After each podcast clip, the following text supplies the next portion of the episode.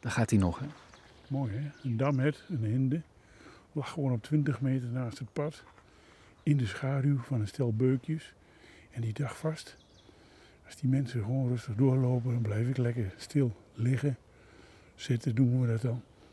En, maar ja, we kregen er toch in het vizier. En toen dacht ik, nou, dit is te spannend op, eh, op die korte afstand. Dus uh, toen sprong ze een meter of 50 uh, weg. En vaak blijven ze dan toch weer staan om toch in de gaten te houden wat er gebeurt volgens mij. Hè? Ja, ze lopen een eindje weg, een meter of 50 of 30. En dan gaan ze toch weer even stoppen en terug staan kijken om te kijken van, nou, wat was dat nou? En wat doen ze nou? Zijn ze nou echt gevaarlijk?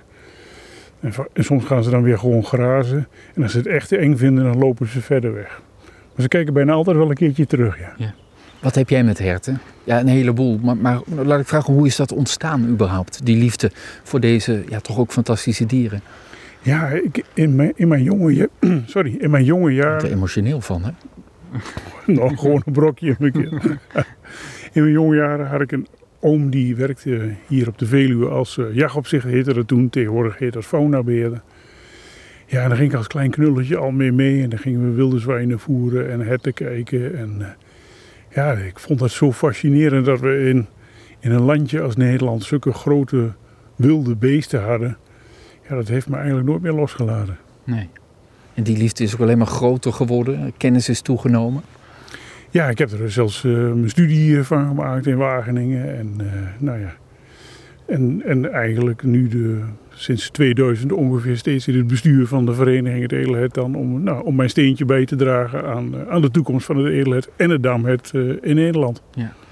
Een uur geleden zei je dat het met, met het edelhert in, in, die jaren sinds de oprichting van de vereniging eigenlijk veel en veel beter is gegaan. Waar is het allemaal aan te danken? Wat is er gebeurd om dat dier te helpen? Nou ja, wat er eigenlijk gebeurd was, is dat de, het edelhert in het verleden in heel Nederland voorkwam. Even in een nutshell zal ik het vertellen. Ja.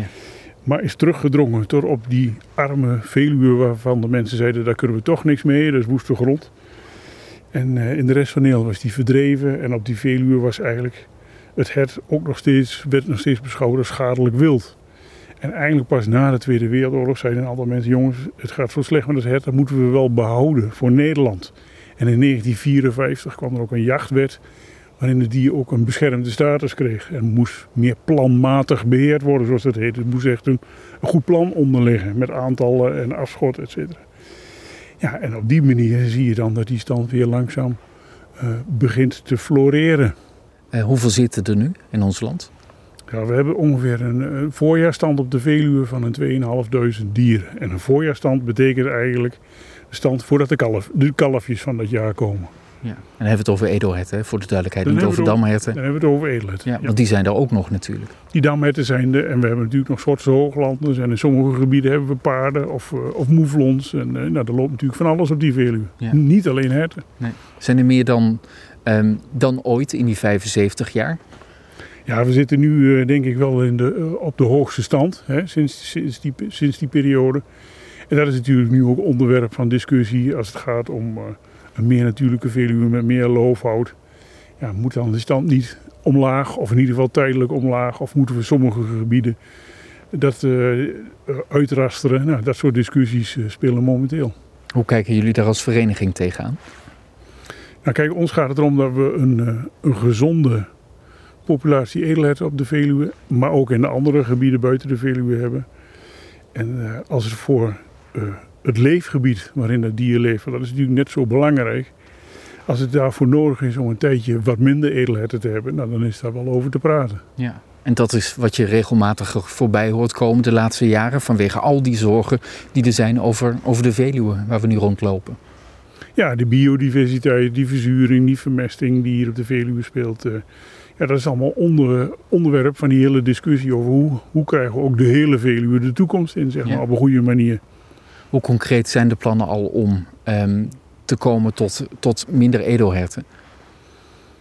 Um, ik weet niet of ze heel concreet zijn. Volgens mij zijn de plannen nu vooral van jongens, laten we in ieder geval werken naar de afspraken zoals we het in het provinciale faunabeheerplan. Hè, daarin staat hoeveel dieren we van elke soort willen hebben. En over het algemeen zijn dat er meer omdat de, zeg maar, de, de niet gehaald worden.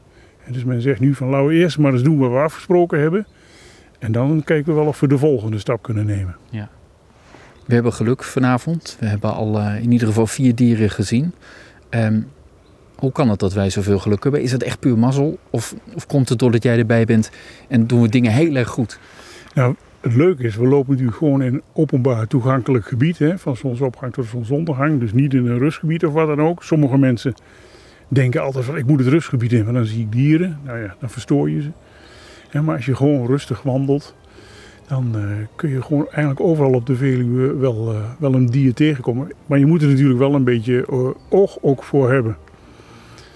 Maar verder doe ik niks bijzonders. Ik heb ze niet besteld of, eh, of wat dan ook. Nou, je hebt me een petje gegeven, dat helpt misschien ook hè? Een heel mooi jubileumpetje. Ja, precies. Van Vereniging Het Edelhert, hij is groen. Maar dit heeft wel een functie ook serieus. Behalve dat hij fantastisch staat natuurlijk. Geweldig van de Vereniging Het Edelhert. Maar het heeft ook wel zin om wat op je hoofd te zetten. Ja, heel veel mensen die eh, de natuur ingaan om, uh, om herten of zwijnen of ander wild te zien of te fotograferen, maken eh, de grote fout om geen pet of hoed op te doen. En dan hebben ze prachtige groene kleding aan, soms uh, van die camouflagekleding, picobello. Maar hebben ze niks op hun hoofd en dan is het net of je in een grote witte koplamp uh, zit te kijken. Dus mensen, als je het bos in gaat, doe een petje op. Het liefst een jubileumpetje.